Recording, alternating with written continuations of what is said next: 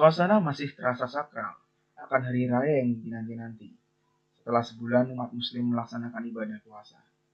Namun, dua tahun belakang ini, hari raya terasa sepi. Kita tidak bisa merayakan hari raya sebagaimana biasanya. Pandemi COVID yang ada tak hanya menyerang struktur perekonomian, tapi juga budaya masyarakat yang ada. Lalu, budaya dan kebiasaan apa saja yang ada di masyarakat Indonesia saat ini dalam menyambut lebaran? Dan bagaimana alternatifnya di masa pandemi ini?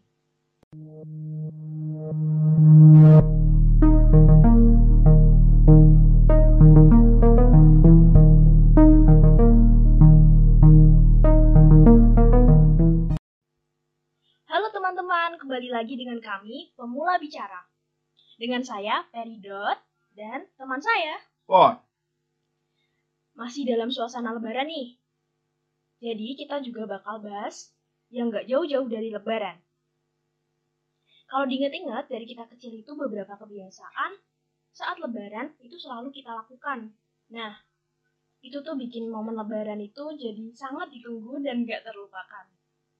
Sayangnya tahun ini kita kembali tidak bisa merayakan kebiasaan kita saat lebaran itu. ya bisa dibilang ini bukan pertama kalinya masyarakat kita merayakan lebaran dengan nuansa pandemi.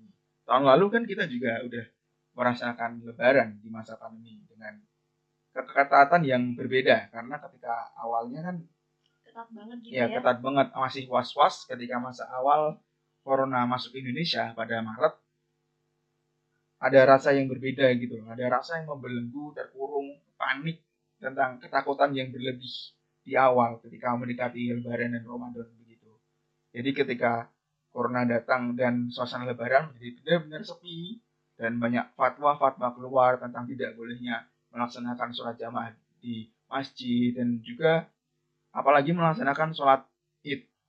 Nah ini merupakan salah satu gimana? ya, Suatu yang asing dan suatu yang berbeda dengan keadaan masyarakat yang biasanya. Karena aliran budaya yang biasa terjadi ketika Lebaran hadir itu mulai berubah karena kita budaya kita yang sering mengutamakan temu sapa, saling bertemu, saling bersentuh tangan dan saling salam-salaman itu menjadi terbatas karena adanya pandemi COVID ini. Nah, itu untuk tahun lalu. Tapi untuk tahun ini ya bisa dibilang lebih berwarna sih karena masyarakat mulai terbiasa dengan keadaan yang ada.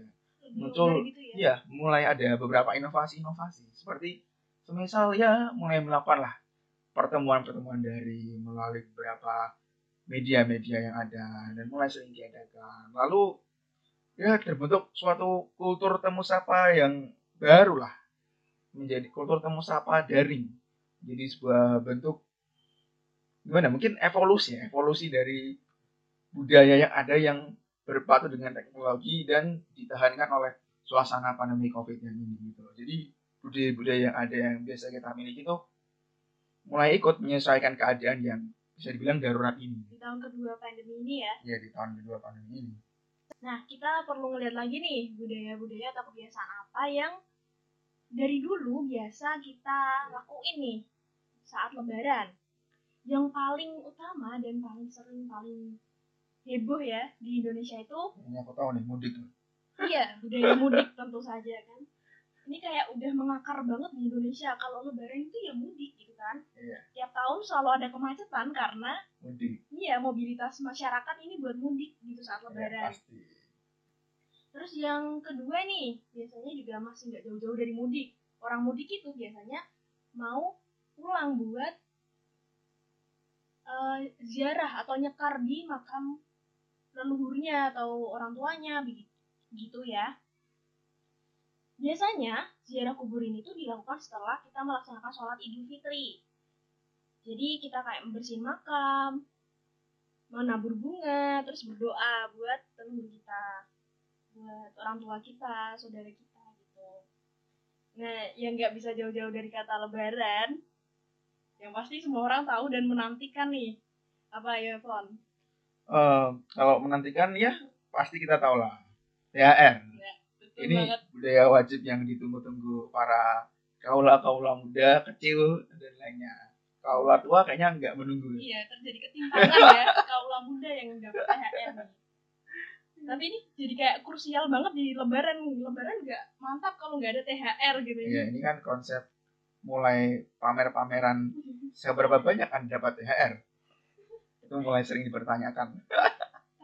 Mau seberapa banyak Anda dapat THR tetap jatuh ke ibu Anda nanti. Ini titip saya dulu. Titip mama dulu nanti diambil gitu, ditabung. Iya. Yang selanjutnya nih biasanya orang yang sudah tua atau sepuh gitu ya sama pejabat-pejabat ini yang ngelakuin yaitu open house.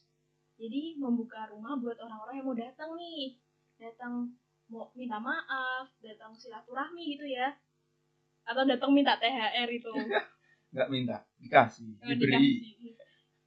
Tapi kalau nggak datang nggak dikasih, beri datang Iya. dia minta dong. Walaupun niatnya memang niat untuk diberi. Oh iya. Yang selanjutnya nih, sungkeman atau salaman Iya. saat lebaran. Hmm. Jadi kita biasanya mohon maaf lahir batin atau kalau di Jawa tuh sedaya lapat kalau nyuwun pangapunten gitu. Terus ini biasanya kita lakukan ke orang yang lebih tua. Jadi yang muda minta maaf yang lebih tua gitu.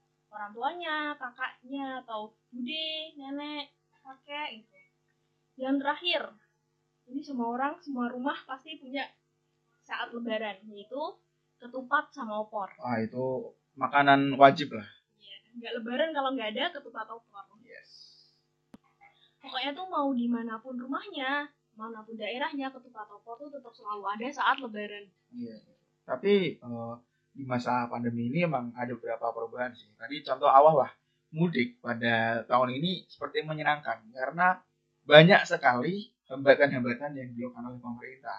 Karena sepertinya pemerintah traumatis terhadap apa yang terjadi di India, di mana korban COVID karena beberapa warga mulai menyimpang dan mulai terjadi beberapa acara adat di India pen- peningkatan COVID menjadi tingkat sehari bisa mencapai 400 ribu dan kematiannya bisa mencapai 2000 lebih. Ini merupakan darurat yang diketakuti oleh pemerintah Indonesia. Maka dari itu kita melihat mudik pada waktu pandemi, pemerintah benar-benar mencoba untuk membatasi mudik yang terjadi pada waktu pandemi dengan adanya mengeluarkan harus eh, swab lah, harus tes tes inilah, kemudian harus minta izin ke RT, kemudian ada penyegatan. Jadi ada pos-pos polisi yang tidak memperbolehkan bahkan menyuruh putar balik bagi mereka yang mudik.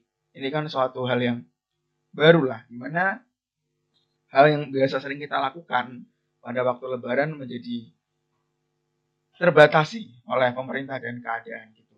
Dan ini akan berefek pada hal-hal lain, misal nyekar dan ziarah kubur pun bukan pasti akan berkurang karena ketika mudik dibatasi ya of course mereka nggak bakal bisa sampai ke tempat leluhur mereka atau makam mereka. Jadi sistemnya mungkin doa daring kali ya atau doa biasa. Terus mudik di masa pandemi ini juga ngabisin biaya lebih banyak ya daripada mudik di tahun-tahun sebelumnya. Kan kita perlu keluar biaya untuk rapid swab yang tadi disampaikan Iya. Fon. Terus transportasi juga tarifnya naik ya? Ya sangat ini. naik sekali sih bisa bilang dan mungkin mahal lagi kalau semisal udah mau sampai kemudian disuruh putar balik. Nah, nah iya. well itu pulang tanpa dapat apa pun gitu. Nah ini tapi ada beberapa hal sih yang open house ini jadi kedekatannya yang dulu biasanya kampung kota-kota sepi karena kembali ke kampung open house-nya pun hanya terjadi di di di daerah perkotaan. Jadi mereka mulai tetangga-tetangga yang biasanya pulang jadi semuanya semakin di rumah saja. Jadi tangga warga kota yang biasanya pulang eh, semuanya stay di rumah dan malah saling bermaaf-maafan dengan tetangga di sekitar mereka gitu Oh jadi perkotaan kayak lebih ramai terus lebih eh, kenal nih ya sama tetangga-tetangganya barangkali kalau kota-kota gitu ya. ya dan yang salaman dan lainnya mulai berpindah dari eh, kembali ke kota-kota masing lah yang biasanya karena membuat salahnya di kota minta maafnya di desa tapi karena pandemi ini buat salahnya di kota karena nggak bisa pulang ke desa ya minta maafnya di kota gitu nah namun seperti ketupat opor kayaknya nggak bakal berubah deh mungkin cuma resepnya aja yang berubah karena kalau di kota mungkin bumbunya bumbu Instan. oh yes buat- yes bumbu instan gitu Ya, jadi ada- tentu ada juga yang Ya. di kota itu bisa masak tahu. tapi memang ada perbedaan sih kayak masakan khas desa itu dari something different gitu dari something unique taste gitu. jadi ada rasa-rasa yang unik lah karena yang suasananya juga mendukung gitu Iya. ya kumpul-kumpul saudara Nah. gitu. kalau yang sungkeman tuh juga menurut aku gak mungkin yang sungkeman ke saudara-saudara jauh gitu ya kalau ke keluarga inti tidak nggak akan terpengaruhi oleh pandemi ini ya kita tetap bisa sungkeman gitu dan kemudian ada beberapa hal yang menarik untuk biasanya ketika waktu lebaran ada beberapa yang masyarakat kita suka sekali untuk memeriahkan gitu semisal permasalahan tentang baju baru lah Nah, banyak beramai-ramai orang ingin uh, pergi ke mall, pergi ke toko, ke tempat belanja. Mereka ya berburu baju baru karena memang ingin tampil tampil suci, tampil fitrah mungkin, tampil keren aja lah ketika Idul Fitri, ketika bertemu sanak saudaranya gitu. Nah, kemudian tapi uniknya kalau di masa pandemi ini tetap terjadi sih, tapi versinya beda. Mungkin Lebih ke online gitu yes. ya belinya Nah, lebih menggunakan online. Walaupun di suatu tempat tetap ada yang berkerumun ya berkerumun di mall untuk membeli baju pasar baru. juga gitu kan Yes, padahal online pun bisa gitu. tapi memang berarti mau pandemi tidak pandemi lebaran itu identik dengan baju Baju baru, baru, ya sampai ya. ada lagunya gitu ya Iya. Eh, kemudian tentang ada lagi mercon dan kembang api. Kalau dulu ramai-ramai nih anak-anak kota atau desa bareng-bareng mercon kembang api. Kalau ini mungkin sekarang ya masih sih masih, tapi nggak seramai dulu karena memang dibatasi. Walaupun ada ketika malam takbiran mungkin masih terdengar suara kembang Letusan api gitu ya, letusan kembang api macam-macam. Namun teriakannya nggak seramai biasanya. Mungkin lebih individual sekarang, lebih sedikit lah. kalau di desa itu ya ada namanya eh, mercon sejenis mercon tapi namanya itu long bumbung jadi itu pakainya dibentuk seperti meriam gitu loh. Jadi dia dalam bambu itu pakainya bubuk apa? Bubuk apa itu ya namanya? Meledak itu. Jadi suaranya tuh bung gitu. Nah itu. Mungkin di masa pandemi ini nggak seramai itu ya di desa-desa. Dulu kalau sebelum pandemi antar desa tuh perang itu long bumbung itu. Seru saling ya. tembak menembak gitu.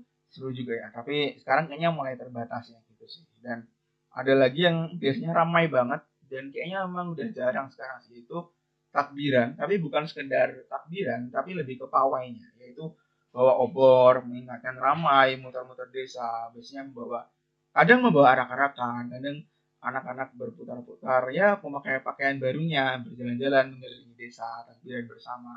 Well kayaknya itu berkurang banget lah ketika di masa pandemi ini karena ada larangan buat Iya. berkumpul ya. Jadi menyambut kemeriahan yang ada di tahun ini pun benar-benar berbeda. Lebih ke bagaimana sih kita menyambutnya dengan online mungkin dengan berbagai macam poster berbagai macam video yang kita post. Atau mungkin kita mengepost bagaimana Idul Fitri dulu gini gitu jadi kita mem- membandingkan Idul Fitri sekarang dengan Idul Fitri yang lalu. Sebagaimana kok kok kok dulu tidak kok sekarang tidak seseru dulu gitu mungkin ya tapi baiknya adalah kita jadi lebih menghargai hal-hal kecil yang Iya. terjadi dulu ya sebelum pandemi. Dulu mungkin dulu kita malas ya terlalu individual tapi setelah sadar wah sepi banget ternyata pandemi gini lebaran. Kita jadi besok tahun besok kalau udah nggak pandemi aku akan melakukan segala hal yang dulu aku nggak mau lakukan gitu. Iya, jadi kerasa banget lah nuansnya, perbedaan suasana yang ada itu bener-bener beda banget ketika pandemi yang dulu dan Idul Fitri itu bener-bener beda merasakan kesepiannya dan individualismenya. Kita merasa terbelenggu dan terkungkung gitulah. Well sepertinya udah banyak banget yang udah kita sharing gitu ya ya, sharing di sini tentang Idul Fitri. Dan untuk penutup kami mewakili anggota dari komunitas pemula bicara mengucapkan Mohon maaf lahir dan batin. Semoga kalbu kita kembali ke fitrah dan dapat bertemu Ramadan selanjutnya dengan kebahagiaan dan rahmat dari Tuhan Yang Maha Esa. Amin Terima kasih. Stay safe, stay healthy. Sayonara. bye bye